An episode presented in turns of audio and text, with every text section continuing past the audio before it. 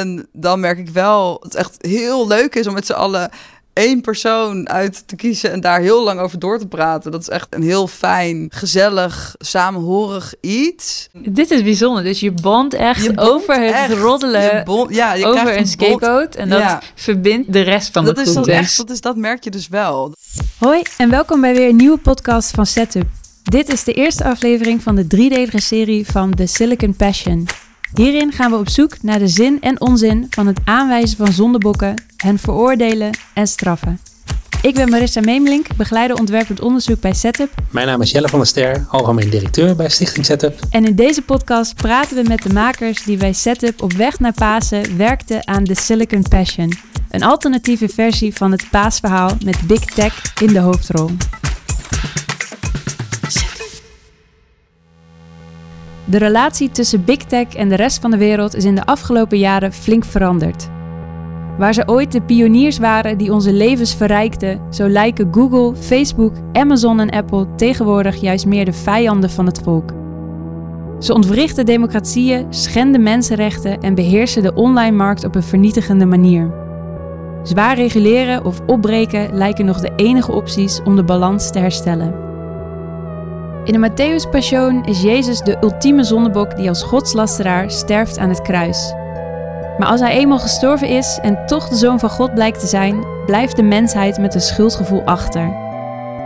En zo gaat dat vaker met het zondebokmechanisme. Van tevoren lijkt het dé oplossing voor alle problemen, maar achteraf heeft het helemaal niets opgelost. Hetzelfde lijkt te gebeuren met Big Tech anno nu. We wijzen ze graag aan als de grote schuldigen, maar is dat niet te makkelijk gedacht? Zijn wij niet met z'n allen te hoopvol en naïef in de digitale revolutie gesprongen? En is Big Tech niet simpelweg een manifestatie van onze eigen goede en slechte eigenschappen? Met drie teams van theatermakers en ontwerpers en met behulp van schrijver en historicus Ewout Kieft schreven we voor Pasen de Silicon Passion. Een passie in drie delen over de functie van de zondebok Big Tech, de zoektocht naar alle medeschuldigen in dit verhaal en een passende straf voor alle betrokkenen. We zitten hier aan tafel met Jorien Aberkrom, interactief ontwerper, en Esther Bouwman, theatermaker en vormgever. Welkom allemaal. Dankjewel. Dankjewel. Goed jullie weer te zien. Ja, thanks. Eens gelijks. Nou, om maar meteen te beginnen. Wat betekent Pasen voor jullie? Of wat betekent Bach voor jullie? Nou, ik moet eerlijk zeggen, voordat ik aan dit project begon, als ik dacht aan de Passion, dacht ik altijd aan een eh, heel vervelend podium met heel veel mensen die opeens allemaal eh, daarnaar willen gaan kijken. En hele harde muziek en vervelende vibe. Vervelende Eh, vibe. Ja, dus ik, ik dacht, ik vond het dus heel interessant dat jullie daarmee gingen, het Big Tech verhaal gingen vergelijken. Omdat ik dus, als ik aan de Passion dacht, alleen maar dacht aan een soort van commercieel, heel groot feest. Waarvan ik altijd een beetje de kriebels kreeg en dacht, ik heb helemaal geen zin om daar iets over te weten. Oké. Ehm, maar ja, ik vond het dus daardoor wel heel grappig dat ik dacht, hé, hey, ik weet eigenlijk helemaal niks over dat verhaal. Vrij weinig eigenlijk. Dus ik vond het ook alweer heel grappig dat ik door dit project daar meer over wist en toch wel interessanter vond dan ik dacht. dat is goed. Ja, ook omdat het dus niet werd verteld op een podium met, met allemaal ja, overdreven geschreeuw en zo. Het werd gewoon wat, wat serieuzer en, en ja, meer op die manier, op meer op een historische manier werd het verteld. En eh, ik vond die link dus heel cool met Big Tech. Ja, tof. Want wat maakte dat je toch eh, inschreef op, eh, op onze open call? Nou ja, juist omdat ik dacht, ik, ik zag natuurlijk jullie website en ik dacht, het is geen... ehm, Geen evangelische omroep. die- Nee, precies. Dus daarom dacht ik, hé, hey, wat cool dat hun dus daar iets mee willen doen. Juist op een misschien wat alternatieve, eh, eigenzinnige manier. Dus ehm, ja, dus daardoor was ik eh, wel heel erg benieuwd. En ik vond het dus een heel leuk concept om te zeggen van wat nou als dus dat Big Tech... Of waarom moet Big Tech aan het kruis of moet dat überhaupt aan het kruis? Om een keer een andere kant te belichten dan alleen maar de kant van eh, verwijder je Facebook en kijk die ene docu over hoe slecht het allemaal is. Ja. Dus dat vond ik heel, heel cool. Dat jullie dus verschillende kanten erin probeerden te bekijken. Nice, tof. Thanks. Jorien, hoe zat dat voor jou? Ehm, ik heb vooral met eh, Bach een, een link, omdat ik in mijn vrije tijd eh viool speel. Ah. eh, jongs af aan. Dus ik heb heel veel muziek van Bach gespeeld. En het leek me ook juist heel cool, omdat ik de Matthäus Passion toevallig nooit heb gespeeld. Om dat ook, nou ja, me- ook vanuit een muzikale kant te bekijken. Ik vind het bijvoorbeeld heel grappig dat heel veel van die stukken, die hebben dus heel veel verschillende... Het, zijn, ja, het is een stuk van veel van die muziekstukken zijn dan een paar uur. Of deze is dan 2,5 uur. En eigenlijk zitten daarin heel veel kleine verhaaltjes. En eigenlijk Zeker. ook hele kleine soort van liedjes die aan elkaar worden gepraat eigenlijk. Ehm, dus ik vind het zelf heel interessant dat het koor en de zangers ook heel erg de emotie in dat verhaal zingen als het ware. En dat er snel wordt gezongen als mensen positief en vrolijk zijn. En dat Ja. als er gevaar komt, dat je ook alle bas in de stem hoort en dat soort dingen. Eh, dus dat vond ik super cool. En ik heb zelf ehm, wat installaties gemaakt die mensen bewust maken van het verzamelen van data. Dus daardoor voelde dit voor mij echt als een soort perfecte combi. eh, Ja, ja, de om link mee met te Big Tech. En mee te denken over Big Tech en de Matthäus Passion. Super. We gaan het vandaag hebben over jullie eh, onderzoek en jullie performance, wat daaruit uit voortgekomen. Maar allereerst eh, ben ik benieuwd wie jullie zijn en wat jullie doen. Dus zouden jullie zelf nog even kunnen voorstellen? Ja, eh, nou ja, ik ben dus Esther. Ik ben dus theatermaker en theatervormgever. En wat ik voornamelijk doe is ik maak interactieve performances... waarin ik vaak mijn videowerk en mezelf centraal sta. Maar dat kan ook in een dialoogvorm zijn met iemand anders... of dat ik er zelf niet in sta, maar dat iemand anders erin staat. Maar ik ben vaak wel bezig om een bepaald gevoel te creëren. Ja, ehm, thema's die mij integreren. Zoals vaak ben ik bezig met het psychologisch aspect van mensen. Van wanneer hebben mensen angsten, wanneer hebben mensen woede, verdriet. Ja, ik probeer heel erg naar die aspecten te kijken en ehm, dat uit te beelden Ja, in mijn werk. dankjewel. Juri? Ik maak interactieve installaties waarmee ik mensen wil nalaten denken over bijvoorbeeld het verzamelen van data en andere onderwerpen die nu maatschappelijk spelen. Ja. Eh, daarbij maak ik gebruik van elektronica en programmeren. En ik vind het ook heel leuk om verschillende materialen te onderzoeken. Eh, dus er komen eigenlijk altijd fysieke werken waarmee mensen kunnen interacteren en zo tegelijkertijd ook weer iets nieuws kunnen leren. Tof. Cool. Wij hebben jullie aan elkaar gekoppeld in dit project om eh, een van de thema's die wij uit het passieverhaal hebben ontwaard eh, verder te gaan onderzoeken.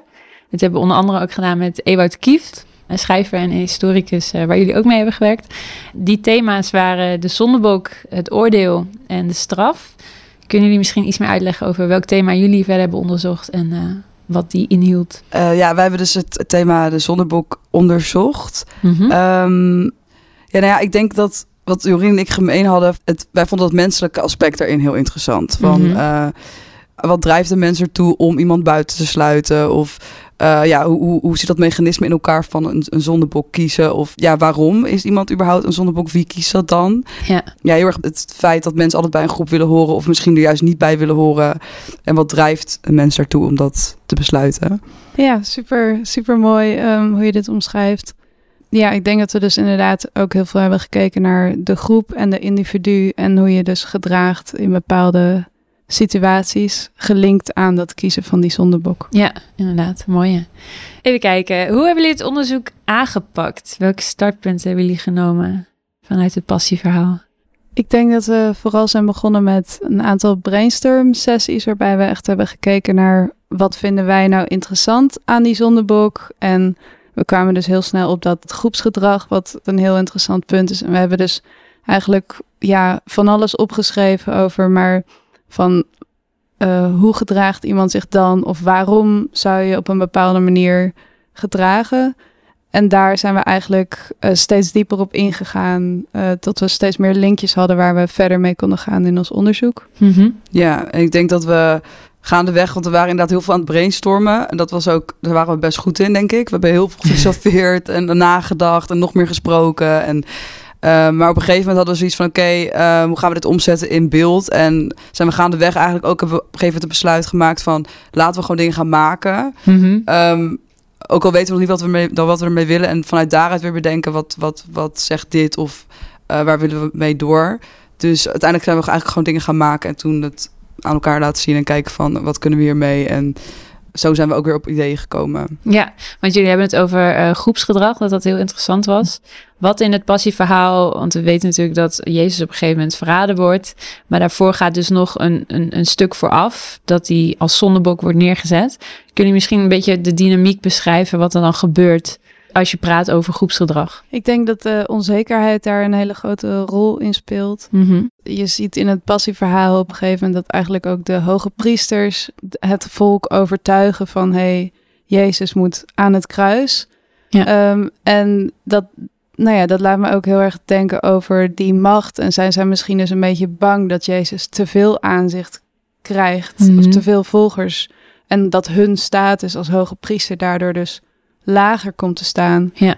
Ehm, of bijvoorbeeld gaat het er misschien dan om dat ze niet eens zeker weten of Jezus wel de zoon van God is. En dus een soort van proberen een mogelijke fraudeur uit te schakelen. Mhm. Er, er speelt iets heel interessants van waarom zou je iemand zomaar aanwijzen? Is het random of, of is het zeg maar omdat je toch al iemand uit wil schakelen en nu een soort van goed excuus, een goed argument hebt om diegene neer te halen? Ja, dus welke krachten spelen daar sociaal Ja, op groepsniveau eh, en binnen Ja. de society? Ja, ook, ik denk ook dat het heel erg te maken heeft met als mensen iemand willen uit, bu- buitensluiten, uitschakelen, hoe je het ook wil noemen, dat het niet per se te maken heeft met, oh, ik vind jou vervelend. Of ja, dat je het ook doet vanuit groepsdruk of vanuit, Mhm. wat Jorien ook zei, je eigen positie. Van wat betekent dit voor mij als ik diegene wel in de groep laat? Of er zijn heel veel meer aspecten in een zondebok aanwijzen dan van tevoren ook dachten. Tenminste, als ik voor mezelf spreek, denk ik. Ja, ja, zeker. Ja, dat zijn toch primitieve gevoelens die Ja. dan ook komen spelen van moet je je eigen hachje redden Ja, en Ja. wat, als, wat als ik deze, niet, deze persoon niet afzet, wat gebeurt er dan eventueel met mij? ja. Blij dat ze hem kiezen en niet mij. Hebben jullie dat primaire ook een beetje terug laten komen in jullie werk? ja, ik denk het wel. We hebben dus heel veel beeldend onderzoek gedaan. Ehm, onder andere ehm, heb ik dan denk- een soort van groepsgedrag geprobeerd te simuleren met een aantal stippen op een scherm. Mhm. Eh, waarbij die stippen elkaar eigenlijk constant proberen te, nou ja, te kopiëren, zich aan elkaar aan te passen om maar niet buiten die groep te vallen eigenlijk. Ja. Esther heeft ook super interessante dingen gemaakt. Ik weet niet of je er zelf eh, over wil vertellen. Eh, ja, we gingen eigenlijk allebei een beetje ons eigen gang. Van Mhm. oké, hoe interpreteer jij dit thema? Ga maar gewoon aan de slag. En toen ben ik eigenlijk vooral gaan kijken naar het gevoel wat iemand krijgt die wo- zou worden buitengesloten. Dus dan heb ik, probeerde ik iemand te representeren die dat is. Ja. Maar ook probeerde ik iemand te zijn die degene was die iemand buitensluit. Dus probeerde ik dat eigenlijk door middel van mezelf te filmen. Door een beetje fysiek-achtige beelden. ehm, Of en hoe zag dat eruit dan, die beelden? Als je ze moet beschrijven. Ja, ik probeerde denk ik bepaalde, vooral bepaalde uitdrukkingen van mezelf eh, te filmen van angsten, maar ook ik probeerde heel erg het gevoel te creëren van de angst om zelf dus niet diegene te zijn. Dus heel erg een beetje vanuit Ja. een angst van ik wil het niet zijn naar fuck it, ik ben nu boos, dus ik ga nu jou eruit zetten of zo. ja, dus daar is een switch gaan. Ja, een beetje zo'n switch maken van. En ik probeer ook een beetje lichamelijk of zo op, op beeld het gevoel te creëren van. Ik weet dat ik zo meteen eruit gezet gaat worden. Of ik weet dat ik zo meteen degene ga zijn. En, dat, en dat, wat het eigenlijk met je lichaam doet. Of met je, Ja.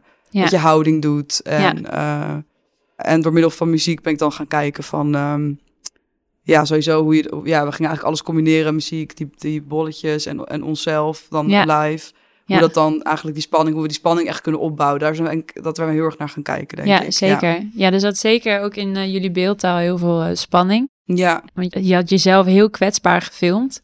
ja, En je was heel erg bezig qua expressie en ja, ook wel qua eh, body language. Wat dat dan met je doet om bijvoorbeeld onder die druk te staan als je als schuldige wordt aangewezen. ja. Omdat dat heel sterk was. Eh, hoe hebben jullie dat gelinkt met de bollen die Jorien beschreef?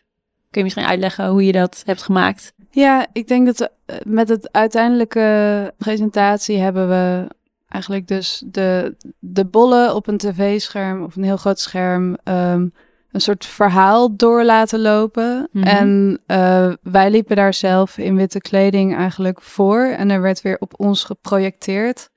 Dus op het moment dat die bollen aan het knipperen waren en aan het proberen zich aan te passen, eh, werd onze kleding eigenlijk ook vergelijkbaar uitgelicht, waardoor we een soort van de link maakten ook naar het, het menselijke. Dat je niet alleen die bollen ziet die zich aan elkaar aanpassen, maar dat je dus ook kan linken naar, hey, dit zijn voorbeelden van een groep met mensen. Ja, precies. Dus Ja, j- precies. jullie liepen ervoor. Jullie liepen voor het scherm waar die eh, videobeelden op te zien waren. Liepen jullie zelf ook. Maar hoe heb je nog, ik wil nog iets meer dieper ingaan op, de, op, eh, op de, hoe, hoe je die bolletjes hebt gecreëerd. En waarin het aanpassingsgedrag van die bollen zat. De bollen zijn eigenlijk gecreëerd met een, eh, een code in Mhm. processing. Ehm, en we hebben daarin verschillende dingen gesimuleerd, waarbij ze dus ja, eigenlijk constant zich ehm, nou ja, proberen aan te passen. Ze worden eerst een soort van, ehm, zie je een bol een soort van steeds groter worden. Die dus, nou ja, je ziet een beetje die machtsverschillen eh, die steeds kleiner worden als het ware. En vervolgens zie je dat die bollen eigenlijk tot elkaar worden aangetrokken om, om een groep te vormen. En dat ze zich dus aan elkaar gaan aanpassen. En eh, later, tijdens de voorstelling, komt er eigenlijk een soort kwaadaardige bol die weer probeert om die groep die ongeveer in evenwicht is, weer een soort van, nou ja, Ja. te, te Infecteren. infecteren, ja, een beetje aan te passen. ehm, om Ja. zo die, die rust, die stabiliteit die er was, weer overhoop te gooien eigenlijk. Ja, want je spreekt eerst in het begin zijn er twee bollen te zien. Eentje die heel langzaam steeds groter wordt, waarin ook echt heel duidelijk een suspense-opbouw zit. Vervolgens worden het meerdere bollen. Eh twaalf als ik het goed heb. 13. Dertien. Dat zijn dus de twaalf discipelen en Jezus. Ja. En die passen zich continu aan aan elkaar. Dus algoritmisch zit daar dus een code achter die dat steeds ehm, aanpast. Hoe, eh, waarom heb je daarvoor gekozen? Om dat zo te doen? Ehm, ik denk dat het een, een, een leuke manier is om te laten zien dat het ook dat je nooit weet hoe het, ehm, hoe het gaat worden of zo. Iedere Ja. keer als je de code opnieuw aanzet, dan komen er ook andere resultaten in het, in het beeld. En in Ja. welke stip er dan uiteindelijk gaat overwinnen of welke kleur dan wordt, wordt overgenomen. Ja, het is generatief. Ja, en dat, dat gaf zeker tijdens het onderzoek een heel interessant inzicht. Om te zien dat het ook niet steeds dezel- dezelfde is die wint, maar dat het dus echt ligt aan de manier waarop ze elkaar gaan aanpassen. En ook de manier waarop ze, soort van, als je begint met heel veel groene stippen, dan betekent het nog niet per se dat het Nee. dus een groene groep aan stippen wordt. Ja. Eh, ze kunnen ook toch ineens rood eindigen of zoiets. Het is niet zo dat ineens de Judas wordt uitgekozen als of dat Petrus de zondebok werd in, in jullie, eh, in jullie cirkelprogrammeringsding. Het was wel altijd Jezus die er werd uitgekozen als. eh, uiteindelijk wel, ja. Dus Voor, de, voor de voorstelling Ja. eh, Ja. wil je natuurlijk dat er bepaalde dingen uitkomen. mhm. Ehm, dus toen hebben we inderdaad gezorgd dat, dat Jezus uiteindelijk als een soort van zondebok, ehm, Mhm. ja, Ja, ik vind dat wel mooi, want het heeft een soort toevalligheid in zich. De, de groep zoekt naar een equilibrium. Die zoekt, oké, we moeten allemaal nu eh, groen worden of wit of welke kleur dan ook. Maar er is in dit geval, wa- was Jezus al wel voorbestemd om de, om de zonnebok te worden. Maar in het geval van het echte leven voelt het soms heel willekeurig hoe we met die eh, zonnebok omgaan. Dus ja, je zou ook bijna kunnen zeggen dat Jezus achteraf voorbestemd was om zondebok Precies, te worden. ja. In plaats van dat Ja. hij het. eh, nou ja, voor de Bijbel was hij het altijd al. Maar, Ja. Maar ik zit te denken, hoe, dat, hoe zal dat? Is dat hetzelfde nu met Big Tech? Mhm. Zeg maar, is het, hebben we het al zo ver laten komen dat we het überhaupt al op hen af gingen schrijven? Mhm. Maar goed, in ieder geval. Mhm. Eh, jullie hebben uite- uiteindelijk die bollen gesneden met het videobeeld van Esther. Welke beeldtaal hebben jullie daarvoor gekozen? Ja, ik denk. ehm, ja, kijk, voor ons was het heel duidelijk. Kijk, wij hebben natuurlijk zo lang gepraat over die bollen en over dat verhaal en over de zondebok en over de Judas en Jezus en de priester. Dus voor ons was het op een gegeven moment super duidelijk in, die, in dat filmpje van ja, welke bol dan dat was. En dat ik dan, nou ja, en dan, dan dachten we op een gegeven moment, oké, dan is het wel cool als, als inderdaad mijn beelden van mijn gezicht en lichaam dan daartussen komen. Ehm, waardoor je misschien eh, de rode bol die op een gegeven moment dus de rest infecteert, gaat linken aan mij, omdat ik ook in het rood eh, Ja. afgebeeld was. Maar ehm, alsnog dachten we van, hey, iemand die dat nog nooit hier iets van heeft gezien of die het niet kent, zou alsnog kunnen zijn, oké, ik snap er niet veel van. Of dus we dachten we, misschien is het wel een extra laag wel fijn als we toch nog live eh, Ja. daarin wat kunnen, kunnen, kunnen doen. Dus ehm, ja, wat, wat mij ook... Kijk, wij hadden natuurlijk het verhaal heel duidelijk voor onszelf... maar ik vond het wel heel tof aan ons eindproduct... dat ik denk dat heel veel mensen ook verschillende gevoelens of interpretaties daarbij kunnen hebben. Omdat je automatisch toch wel, als je twee mensen op het podium ziet... en je ziet die bollen en je ziet mij op het scherm... dat je gaat toch wel linken leggen op een gegeven moment. En welke linken dat dan Ja. zijn zeker. dat maakt eigenlijk voor mij gevoel niet zoveel uit. Maar het is wel heel tof, denk ik, dat mensen daar een heel eigen verhaal ook bij bedenken. Ja, je gaat al snel associëren, Precies, zeg maar. ja. En, eh, maar de suspense was ook heel duidelijk. Onder andere dus Mhm. ook door het licht en muziek. Welke keuzes hebben jullie daarin gemaakt? Ehm, om het nog meer een soort van ruimtelijk te maken en ook meer ehm, zonder te, het uit te leggen begrijpbaar te maken, wilden we graag dus dat wij een soort van, net zoals die, die bollen dus eigenlijk constant knipperen van kleur en, en proberen te wisselen. Um, hebben we eigenlijk op onze eigen kleding, die was helemaal wit, hebben dus met lampen laten schijnen en ook laten knipperen om een soort van het bijna ook te zien als een soort denkproces. Uh, Het nadenken tussen verschillende dingen. En eigenlijk zo gauw wij dus aan het, nou ja, knipperen waren, aan het nadenken over, hey, gaan we nou goed of slecht? Of hoe ga je je aanpassen aan de groep? Stonden we ook stil en eigenlijk zo gauw je je balans dan had gevonden, um, ja, gingen wij een soort van in een rustig ritme ja, bewegen over dat podium. Ja, ja jullie gingen echt van wiegend Mhm. op één plek naar uh, rondjes lopen. en rondjes lopen was dan zoeken, ben ik bij de groep, hoor ik er nog bij of uh, val ik er buiten? En zo kan je hem ook zien, denk ik inderdaad. Ja, voor ons is het denk ik vooral belangrijk om, um, om niet maar gewoon overal naartoe te lopen, want het dan denk ik heel warrig en mm. een beetje vaag wordt. Maar we dachten vooral ja. allebei in één padpatroon blijven lopen en wel mm. allebei een ander patroon, dat het nog allebei twee verschillende individuen zijn en niet mm. uh, dat we één en dezelfde persoon zijn. Ja. Ja, ik, er was ook een soort uh, controleverlies op een gegeven ja. moment. Er zit heel duidelijk een, een, een, een rustig stuk in de opbouw van jullie uh, aan het begin van de performance. En ineens slaat dat over als er steeds meer gekraak en ruis binnenkomt. En piepjes. Um, uh, misschien kunnen we dat zo ook nog eventjes opzoeken. Ja. waardoor je heel goed merkte dat er een omslagpunt was. Um, was dat ook om, om het gevoel van die controle, die bijvoorbeeld in dit geval Big Tech of Jezus dan kwijtraken, te verbeelden? Of... Ja, het was voor ons namelijk. Um, ja, je kan hem dus eigenlijk ook weer zo zien zoals jij het zegt. Maar voor ons was het denk ik namelijk um, um, uh, dat we wilden verbeelden hoe het is als je dus geïnfecteerd wordt. Ja. En hoe je je dan dus gedraagt. Dus eerst waren wij inderdaad een soort van alles is oké okay en het is goed. En we lopen gewoon met de rest mee en prima of zo.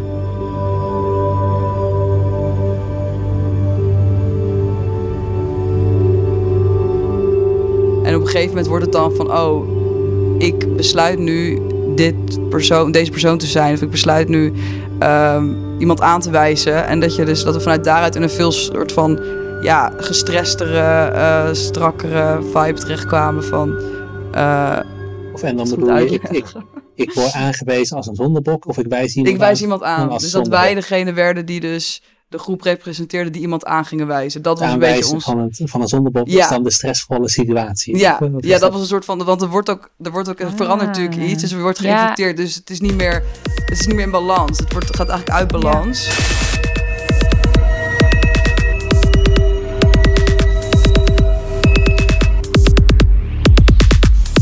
Is dan meer de zondebok komt binnen. We moeten ermee dealen met deze uh, soort van dit, ja. dit soort uh, deze infectie van buitenop. Nemen we hem op met elkaar in de groep of gaan we hem. Uh, gaan ja, we een beetje die keuze inderdaad ook. Wat ja. gaan we ermee doen? En dan ja, worden wij eigenlijk letterlijk geïnfecteerd. En dan denken ja. we, oh, oké, okay, we moeten dus dit doen. Ja. Die onzekerheid die de hoge priesters voelden toen de, ja. de zoon van God binnenkwam. Van, hoe moeten we hiermee gaan dealen? Met, soort van, met dit, ja. deze man die blinden laat zien. Hè? Moeten we hem moeten we hem nou wel of niet accepteren? Ja.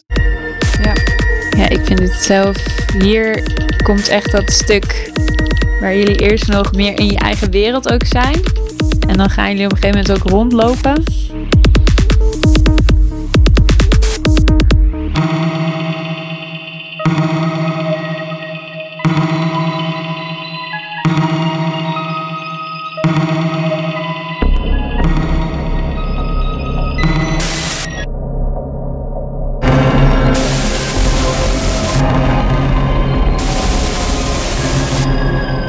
Dat was om, om te illustreren hoe jullie ja. die opbouw hebben gedaan, ook qua muziek. Mm. Uh, heb je trouwens, dat weet ik eigenlijk niet, die muziek zelf gemaakt? Een deel, ja, een deel heb ik zelf gemaakt ah. en een deel heb ik gewoon uit andere dingen geknipt, ja. Gaaf, want het, het, het eindigt heel erg... Uh, nou, bijna, bijna horror, ja. ja. En, uh, ik vond het een Bachiaanse... Ja. Ja, ja, een heel klein beetje. Maar ik moet zeggen dat ik hem echt niet meer hoorde zelf. Maar ik heb dus een heel klein beetje... Uit de, wat uit de ja, Passion? Ja, maar ah. echt op het begin. En uh, hij ging er wel door, ook nog, in het hele stuk. Maar echt, hij hoort hem echt bij, maar hij zit er wel in. En was het dan ook de score, was het? De ja, het, uh, ja, gewoon het... het, hoe heet dat stuk? Ja, dat eerste. ja. de- Oh, het het, openingsverhaal. het classic eh, muziekstuk, Oh, hoor. zeg Ja. maar. Komt hoor ons klagen. Die, eh, Ja. We hebben dat ook in een testversie weer veel sterker gehad. En toen Ja. merkten we dat als je het te letterlijk doet, dat het ook weer mhm. weghaalt Ja. van de, Ja, van de ja. kwaliteit. Te, te- ja, te Ja, letterlijk inderdaad. Dus we hebben het best wel abstract gehouden uiteindelijk. Ja, zeker. Maar daardoor kan je ook als publiek, kan je er zelf ook, vond ik, heel veel mee. De Mhm. suspense was heel duidelijk. De exclusie van die bollen en het infecteren van, in dit geval, een echt een ander idee. Mhm. Dat was ook heel duidelijk. Wat hebben jullie eh, uit het onderzoeksproces gehaald qua thema? Hebben jullie parallellen met Big Tech gevonden? Ja, voor mij was wel heel duidelijk een, een soort ja, connectie met Big Tech in het opzicht dat we dus binnen dat groepsgedrag hebben gekeken en dat we hebben gezegd van oké, dus als je onzeker bent, dan wil je eigenlijk een, nou ja, een zondebok aanwijzen, iemand die moet worden opgeofferd om het algeheel weer in balans te brengen. Ja. En ik vind dat wel heel grappig dat we dus nu eigenlijk allemaal zeggen van ja, Big Tech is slecht, Facebook is slecht, Facebook moet gewoon offline worden gehaald en dan is alles weer goed. Ja. Dus ik vind dat wel een hele interessante dat ik zelf eerst ook heel toch wel sterk tegen Big Tech was en dat ik nu toch ook weer inzie van ja, misschien is alleen de stekker uit een bepaalde website halen niet de oplossing eh, van de uitdagingen waar we nu voor staan. Ja. Dus het heeft me wel leuke nieuwe inzichten gegeven. Ja, ik ben, ik ben het echt heel erg met Jorien ook eens. Ik, ik zelf had ook heel erg, zie ook veel meer het grijze gebied in het thema dan Ja, het zwart-witte, zeg maar. Dat ik veel meer zie van, oh ja, mensen die, eh, iemand die Google bijvoorbeeld bedenkt of heeft opgestart, of, of eh, die guy van Facebook, ben zijn naam vergeten, maar Ehm, Mark Zuckerberg. eh, ja, die, dat, dat, ik, ik denk altijd van, ja, ik vind het ook altijd wel een soort van mooi of fijn om vanuit de goedheid van de mens uit te gaan. Dus om ook te bedenken van, ja, weet je, je kan met z'n alles inderdaad zeggen van, oh, eh, we moeten dat stopzetten of de ontwikkeling, hoe het nu gaat in technische ontwikkeling, het is allemaal slecht. Maar ik denk, ik denk altijd wel, mensen, ik geloof dat mensen vanuit een goed hart of vanuit een goede idee iets opzetten en dat het en, en dat het niet zoveel zin heeft om ook dingen te willen veranderen naar hoe het ooit was. Maar eerder te gaan kijken wat is er nu en hoe kunnen wij hier nu mee omgaan. Of hoe kunnen wij nu met z'n allen ervoor zorgen dat het, dat het, een, ja, dat het past. Of dat er een balans in de samenleving komt. In plaats van we moeten dit weghalen of we moeten het anders doen, zeg maar. En Ja. wat Ewout ook zei, het, het kwaad is nooit int- niet zo vaak intentioneel kwaad. Hè? Dat er niet Ja. een, eh, Ja, dat het een soort Ja, van, precies. als Ja. Niet van, oh, ik, ik bedenk nu even dat ik dit en dit ga doen. Dat vind ik, weet je wel, Ja. dat, zo gaat het ook niet, denk ik. Nou ja, de wereld zou makkelijk zijn als het, als het zou bestaan uit de Disney villains. Hè? Dat overal Ja. iedereen met Ja. soort van Ja, met z'n allen, ja. en, eh, Ja, ik denk dat het ook heel erg, ja, het, het kwaad of iets wat, wat ehm, ja, mensen die toch uiteindelijk andere intenties, misschien onbewust of bewust krijgen. Dat komt denk ik heel erg door omstandigheden en door, ook misschien juist weer door Mhm. groepsdruk en door, ja, ik denk dat het overal echt in terugkomt, dat Mhm. groepsgedrag. ja, zeker. Nou, dat was er ook het grootste kwaad. Mhm. Komt vanuit de beste intenties. ja, Dit is eigenlijk misschien een zo'n zo'n geval. ja. Maar in het geval van groepsdruk, denk je dat er nog meer andere factoren daar, een, een, een, in die geval een vrijgeleide aan Big Tech gaven om, om deze infrastructuur zo neer te leggen? Hoe, eh, hoe zien jullie dat?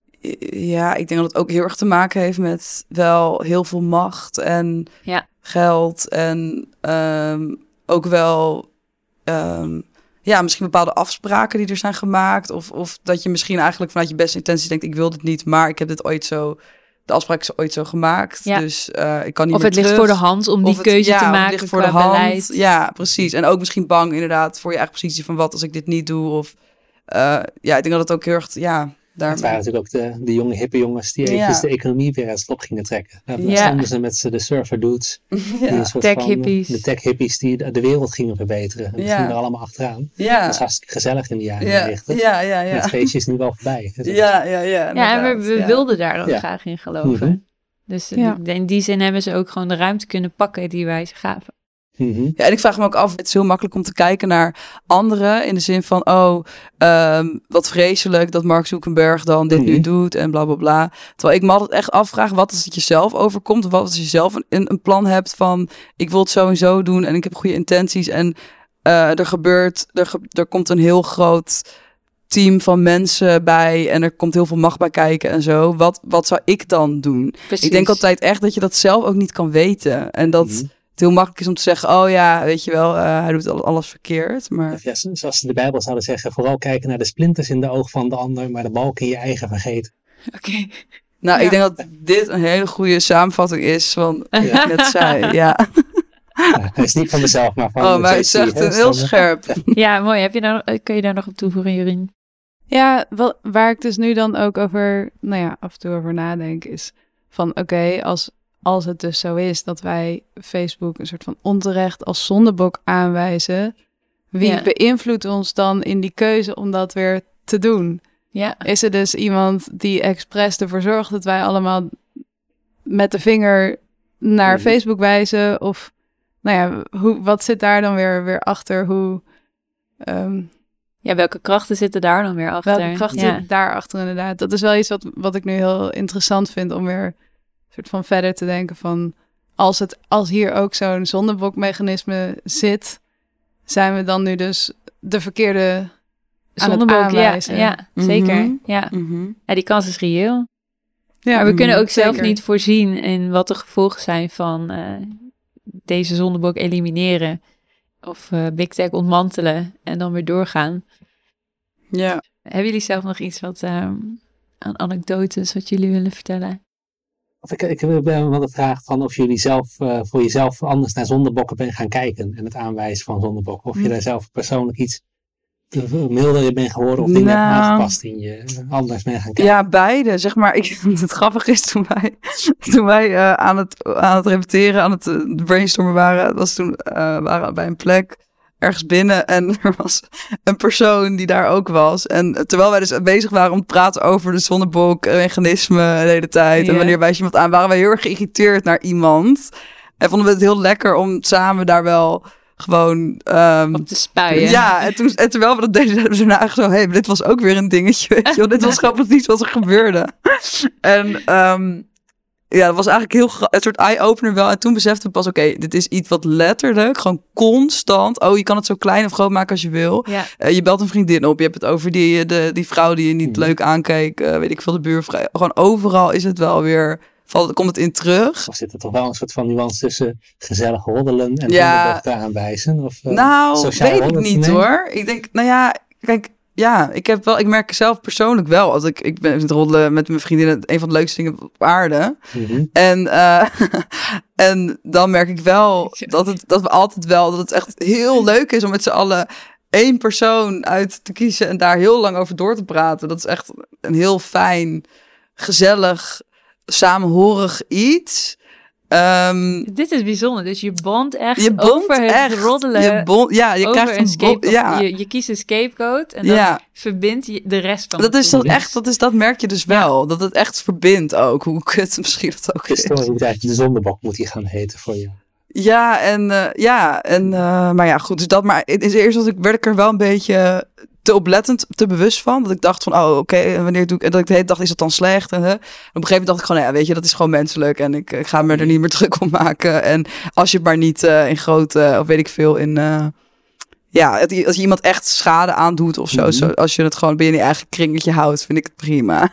Of dat ook de zondebok rouleert. Hè? Ja, De precies. Dan is het weer iemand ander, dan is het weer die ene, dan is het weer... eh, Ja. ja. Ja, voor jou?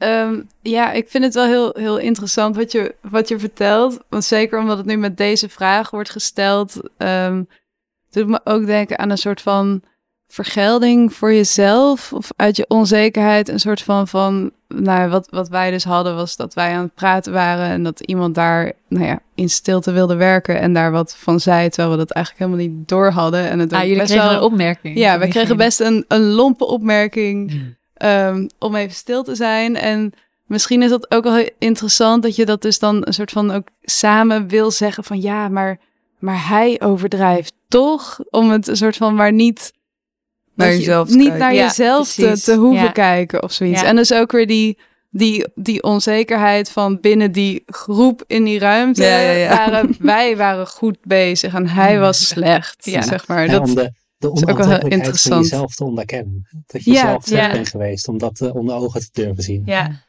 Ja, je wil niet zeg maar door iemand anders vooral als schuldig aan te wijzen, ben je jezelf aan het vrijwaren van schuld ook. Ja, of ja. kijk, ja, je kan natuurlijk ook jezelf altijd in een zonnebokpositie zetten. Dat je Mhm. altijd maar zegt, oh ja, ik ben, ik zal het alweer verkeerd hebben gedaan, dus ik hou mijn mond maar dicht. Mhm. Ja. Dus je switcht ook vaak tussen of ik ben degene die het verkeerd doet, of ik, dus dat heb ik zelf wel een handje Mhm. van, of ik Ja, ja, ja. zeg maar wijs de ander aan. Een beetje die twee. Of het overdramatiseren tot je geen kritiek meer kan krijgen van anderen. Want je hebt zelf al alle fouten. Dat kan ook, dat kan ook zeker. Je slachtoffer, ja, nee, dat kan ook inderdaad. En hou je dat, als je jezelf als scapegoat aanmerkt, hou je dat dan intern?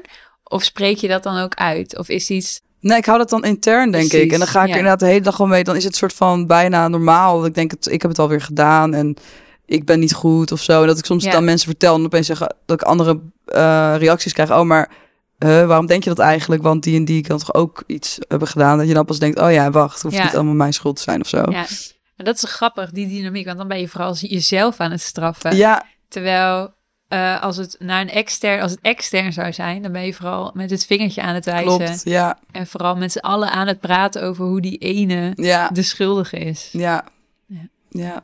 Hoe, hoe kijken jullie naar... ehm, we hebben nu met z'n allen met goeie, op Goede Vrijdag... met ook de rest van de makers Big Tech aan het kruis genageld. Ehm, Ze zijn er nog steeds, hè. Dus, eh, nou ja. Ze zijn er nog steeds. Ja, we hebben, we hebben symbolisch hebben we met z'n Mhm. allen Big Tech, eh, onder andere ook door middel van jullie performance, aan het kruis genageld. In, de, in het passieverhaal gaat het daarna natuurlijk verder met eh, de vergeving en dat mensen tot inkeer komen. Ehm, maar ik ben, ben wel benieuwd hoe jullie daar tegenaan kijken. Hoe zien jullie het voor je? Wat, wat nu met Big Tech? Ik ben wel een beetje tot inkeer eh gekomen, denk ik. En ik, ik zou Big Tech nog wel een, een kans willen geven. Heel mooi. ja. Heel nice. mooi. Vol vergeving. Ik hoor het maar. Dus dan, Nou, niet, niet per se. Oké. Ehm, En op welke manier zou je, zou je het een kans willen geven? Of welke nieuwe relatie zie je voor je met Big Tech? ik, ik denk dat we meer eh, moeten gaan kijken hoe we als individu meer invloed kunnen hebben op wat zo'n website nou helemaal kan doen met jouw gegevens, maar ook wat die voor jou kan bepalen. Ik denk dat we daar veel Ja. meer inzicht in moeten, moeten krijgen. Ehm, dus er zal iets aan beleid moeten worden veranderen Mhm. en ook iets aan initiatief vanuit mensen zelf. Ehm, nee, Ja. bijna eerder aan het initiatief van mensen zelf dan van het beleid. Want volgens mij met beleid ga je het weer Ja. extern, Ja. externaliseren. Ja, ik denk, ik denk dat het, eh, zeg maar, dit project en eh, slash onderzoek heeft me ook wel doen beseffen dat wat ik eigenlijk al wel wist, maar wat ik toch wel meer, ehm, dat ik er waar ik beter van eh, bewust was, Ja, is dat, ehm, dat je gewoon heel erg eh, als individu, individu gewoon echt zelf een beetje eerst je research moet doen voordat je eh, alles maar gelooft. En ik denk dat, dat dat gewoon heel belangrijk is. En ook dat je daarin ook zelf dan je keuzes kan maken. Van wil ik dan dit doen? Of wil ik mijn Facebook behouden of whatever. Eh, in plaats van vanuit ja, ook weer een groep of, of eh, vanuit een gerucht of zo. Dat je daar achteraan loopt, maar eigenlijk helemaal niet weet wat het is. Of Ja, wat het inhoudt. Ik denk Ja. dat het gewoon heel belangrijk is dat mensen altijd proberen eerst zelf een onderzoek te doen voordat ze een keuze maken ergens in. ja, maar hebben de mogelijkheden daarvoor volgens jullie? Op dit Ja. moment. Maar ja, daarin kom ik wel weer terug op dat big tech in de zin van dat ik toch wel vind dat ja, het nadeel is toch echt wel ook het internet heeft heel veel voordelen, maar natuurlijk ook weer heel veel nadelen. Zeker. Je kan er alles maar op gooien en alles maar op vinden wat jij, wat jij wilt vinden, Ja. denk ik natuurlijk. Ja. Dus daarin, ja, toch misschien maar wat, wat eh, ja, ook vragen stellen misschien aan andere mensen van hoe kijk jij daar tegenaan en weet ik weer een boek lezen? Ja, ik weet niet zo goed. YouTube. YouTube is dan een hele goede, vind ik. YouTube heeft wel verbeteren, vind ik over het algemeen. Ik vind, ben fan van de YouTube. services van Google. Ja, maar YouTube heeft hele goede, goede filmpjes en, en informatie eh, kanalen die ik persoonlijk heel tof vind, omdat het dus wel onafhankelijk ergens is. Nee, Ja. moet je bewust van, van zijn op welke informatie je tot Ja, willen precies. nemen. Dat je ook zelf, Ja. op YouTube kan je natuurlijk zelf zoeken wel, Ja, wel als je de- wil kijken. De verantwoordelijkheid, net als je de verantwoordelijkheid neemt en niet iedere dag bij de McDonald's te gaan eten, moet je ook je media doen. ja, dat vind ik wel. Ja, dat is het inderdaad. voor, eh, Dat je daar Ja. meer bewust van bent van Ja. inderdaad, eh, ja, je meer Mhm. verantwoordelijkheid gaat pakken daarin. Ja. Ja, maar hebben we vervolgens, je kan je verantwoordelijkheid pakken, je kan jezelf heel goed inlezen over, nou goed, ik zou, het zou eigenlijk anders moeten, maar ik zit dan altijd met de vraag, hebben we de, de alternatieve opties? Want iedereen zit op Facebook, iedereen gebruikt. WhatsApp, iedereen, weet je, Google is nog steeds de beste zoekmachine. Hoe komen we los van, eh, van dat juk, zeg maar? Is, zijn er Ja, maar ik denk dat is de vraag dan, willen we daarvan loskomen? Of is de vraag, hoe gaan wij vanuit dat het er al is, kijken wat we daarmee kunnen? Ja.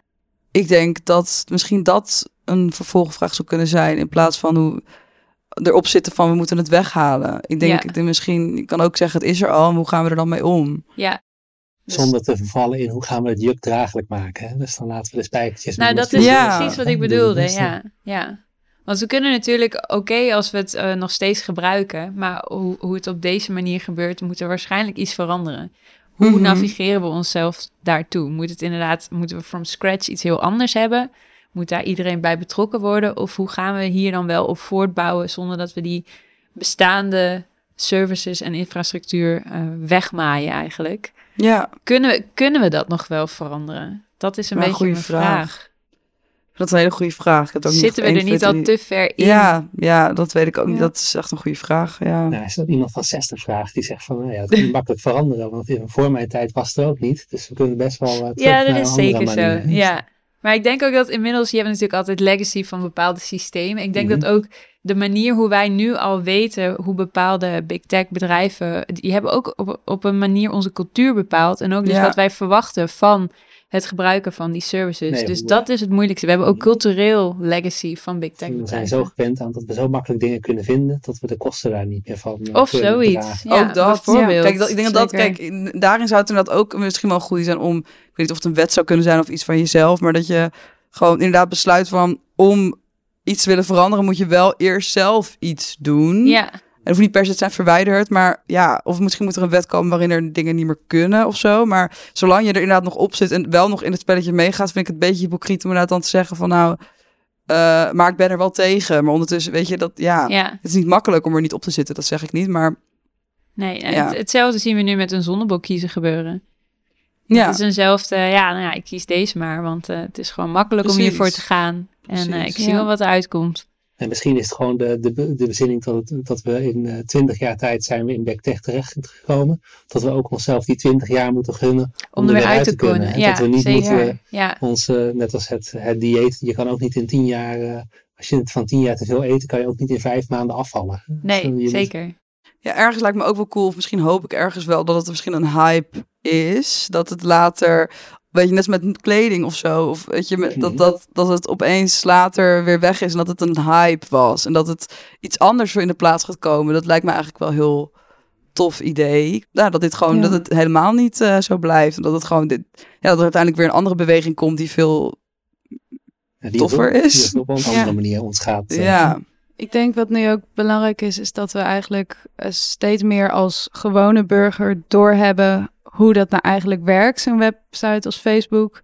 En dat Ja. we daardoor ook een soort algemeen belang krijgen. En dat daardoor ook websites op een gegeven moment wel aan zullen moeten passen. Precies. Het- ja. Ze kunnen niet zomaar geheime dingen blijven doen, want ja. dan zullen er mensen uiteindelijk toch hun account sluiten. ja, Dus ik denk dat de websites nu ook nou ja, aan een bepaalde richting een maximum zitten van dingen die ze zomaar kunnen doen en zonder verantwoording af te leggen. Ja. Ehm, en dat dat dus ook, ja, ik vermoed, of dat zou ik voor me zien, dat het dus gewoon veel democratischer gaat worden hoe je, ja, hoe bepaalde functies op een website Mhm. worden toegevoegd of Ja. weggehaald. ja of welke aangepast. ontwerpkeuzes daarin worden Ja. gemaakt. Ja, En ik denk dat daar, eh, wetende dat er nu veel mensen zijn die er iets van vinden, Ja. dat de websites daar ook voorzichtigere keuzes in maken dan waar ze eerst misschien het gewoon, nou ja, ja. gewoon maar probeerden om te kijken Ja. wat het op zou leveren. Mensen hebben toch ook meer eh, het idee tegen te kunnen verweren tegen bijvoorbeeld Facebook. Zie je ook toch in rechtszaken en dat soort dingen. Dat mensen gewoon denken, ik span gewoon een zaak aan, doei. Boeien, Ja, dat je Facebook bent. Ja, Maar vervolgens zijn die zaken ja. toch nog wel vrij nee, ja, niet dat het- pijnlijk of hypocriet als je Oh, ziet welke, wel- wat daar dan weer in gebeurt als, face, als, als Mark Zuckerberg inderdaad terecht staat. Maar degene die hem terechtstellen net zo hypocriet zijn in eh, alle data die zij hebben gebruikt, die voortvloeien vanuit Facebook om voor hun eigen doeleinden. ah, zo Onder ja. andere het Cambridge Analytica schandaal. Mensen, Ja, de, ik heb de, het- de rechters wisten niet eens wat Facebook echt inhield. Nee, je. klopt. Het Dat, ja, dat, dat, dat, dat, dat ja, was ja, ja. gewoon... Het waren vooral republikeinen die ineens... Ja, ik heb het nu eigenlijk Ja. over een. eh, ja, ik weet niet of, ik dit voor, of je dit eruit gaat knippen. Maar ik heb een, eh, nu een voorbeeld van een meisje uit Nederland. Die, eh, er waren naaktfoto's van haar verspreid. Wat ze ook Facebook. Ah, ja. Dat ze ook een zaak tegen Facebook eh, aangespannen. Ja.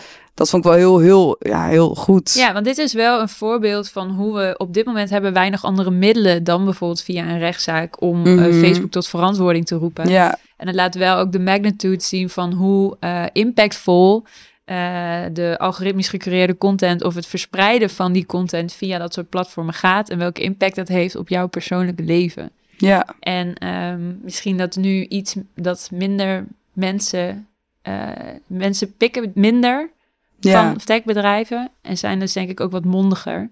ja, Ja, dat is denk ik wel ook de culturele shift die nodig is om eh, gas, de big tech bedrijven te remmen.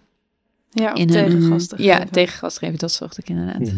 Nee, dan zit hij meer in die geëmancipeerde massa die zichzelf als ontwerpers richting die Ja, platform op gaat zeker, stellen. ja. Dan in het, eh, de, de massa die met hooivorken en fakkels de big tech gaat aandragen. Volgens mij moeten we veel meer gaan inzetten in de massa die eh, met constructieve oplossingen richting big tech komt om ze Ja, van binnenuit aan te gaan passen. Dan dat we Precies. ja, investeren in ja, die, ja. de massa met hooivorken. Ja, ik denk dat dat een hele goede is wat Ja. je zegt, ja. maar ik denk ook het, het besef dat wij daaraan mee Ja. kunnen denken, dat was er denk ik ook heel lang nog Mhm. niet. En dat wij die, dat, eh, dat kunnen claimen. Hé, hey, ik wil Mhm. meedenken hoe dit er eigenlijk uitziet. Mhm. Dat niet alleen maar de tech hippies in Silicon Valley beslissen hoe dit eruit komt te zien. Mhm. Maar dat er een Mhm. diversere groep aan mee kan denken. Of aan mee moet denken. Mee moet denken, inderdaad. Ja. Ja. Mooi jongens. Ik denk dat ik hem hiermee ga afsluiten. Dank jullie wel voor jullie onderzoek. Dank jullie wel voor dit gesprek. Heel tof hoe jullie hier eh, toelichting op hebben gegeven. Ik denk dat jullie heel goed hebben onderzocht wat de, het zondebokmechanisme inhoudt. En eh, wat het betekent om een zondebok aan te wijzen, een scapegoat. Ja, en ook welke gevolgen dit heeft in onze verhoudingen met bijvoorbeeld Big Tech. En eh, dat jullie dat heel mooi vertaald hebben. Een heel kwetsbaar stuk, een heel, maar wel frictievol. Dus dank daarvoor. Esther. Baalman en Jolien Aberkrom. Ik, eh, we hopen meer van jullie te zien in de toekomst. Ja, Ja, dat gaat zeker goed ja, komen. gaat goed komen. Leuk, dank jullie wel. Dankjewel. In de volgende aflevering gaan we het hebben over het tweede onderdeel, het tweede thema, het oordeel. Dit doen we samen met Rodrigo Ferreira, Dirk Stemvers en David Schwartz van de Transmissie. Dankjewel voor het luisteren en tot de volgende keer. Doei! Nice. Wil je meer weten over de Silicon Passion? Informatie en beelden van de werken zijn terug te vinden via onze social kanalen en op onze website www.zetten.nl. Bedankt voor het luisteren en tot de volgende keer. Doei! Tjus!